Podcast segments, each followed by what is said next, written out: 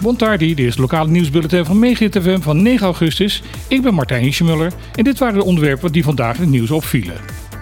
Volgens de nieuwswebsite Bonaire.nu zingt het onderwerp al een tijdje rond op de sociale media. Vermeende misvormingen bij een aantal gecastreerde ezelhengsten op het eiland. Er gaan foto's rond met ezels waarbij vreemde uitstoppingen te zien zouden zijn. Marine Melis van Donkey Sanctuary Bonaire heeft hier al op gereageerd. Zij zegt dat bij castratie de hormoonhuishouding bij de hengsten verandert. Daardoor worden deze dieren op sommige plekken van hun lichaam zichtbaar dikker. Ondanks deze uitleg blijft de discussie echter doorgaan en nu heeft ook de politiek zich ermee bemoeid.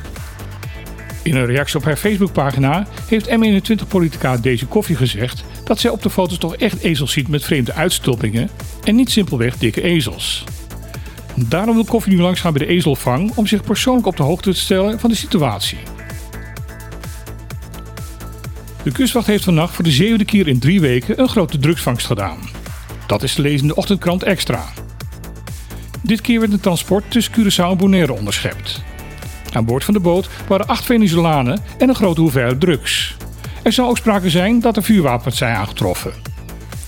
De onderschepte boot is naar Bonaire gesleept, waar ook gezaghebber Reina hoogte kwam nemen. De bemanning is overgedragen aan de politie, de drugs aan de marechaussee. Volgens de extra gaat het om marihuana en cocaïne. Deze was verpakt in grote balen, waardoor er een vrachtwagen aan de pas moest komen om alles te kunnen afvoeren.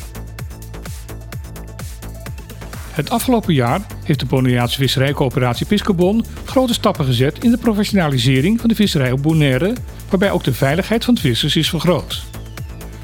Deze ontwikkeling werd mogelijk gemaakt door financiële bijdrage door de Prins Hendrik Stichting, Carcassol Bonaire, het ministerie van Landbouw, Veeteelt en Visserij en het OLB.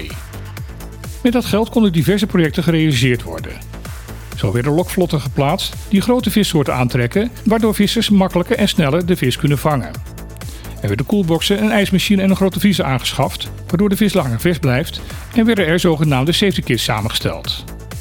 Met behulp van deze kits kunnen vissers die in nood zijn geraakt het langer volhouden en snel ook gevonden worden. Afgelopen weekend kwam daar nog een nieuwe vissershut op Playa Frans bij. Hierdoor kunnen vissers in de schaduw veilig en hygiënisch hun vangst schoonmaken en voorbereiden voor de verkoop.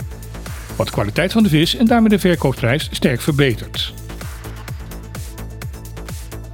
Het is zover. Na een verbouwing die langer heeft geduurd dan gepland, heeft Home of the Muse vorige week haar deuren geopend. In het voormalige landhuis van Napa zullen er voortaan creatieve masterclasses worden georganiseerd tijdens een geheel verzorgde luxe vakantieweek. Home of the Muse is een idee van J.B. Meijers en Wanda Bommer. Meijers is bekend als muzikant, producer en componist. Bommers is auteur van romans en korte verhalen. De eerste masterclass vorige week was een gecombineerde week songwriting en performance door Paul de Munnik en een gitaarcamp onder leiding van J.B. Meijers zelf. Later dit jaar zullen ook pianist Cor Bakker, cabaretière Sanne Wallis de Vries, acteur Frank Lammers en zangeres Treintje Oosterhuis een masterclass komen geven.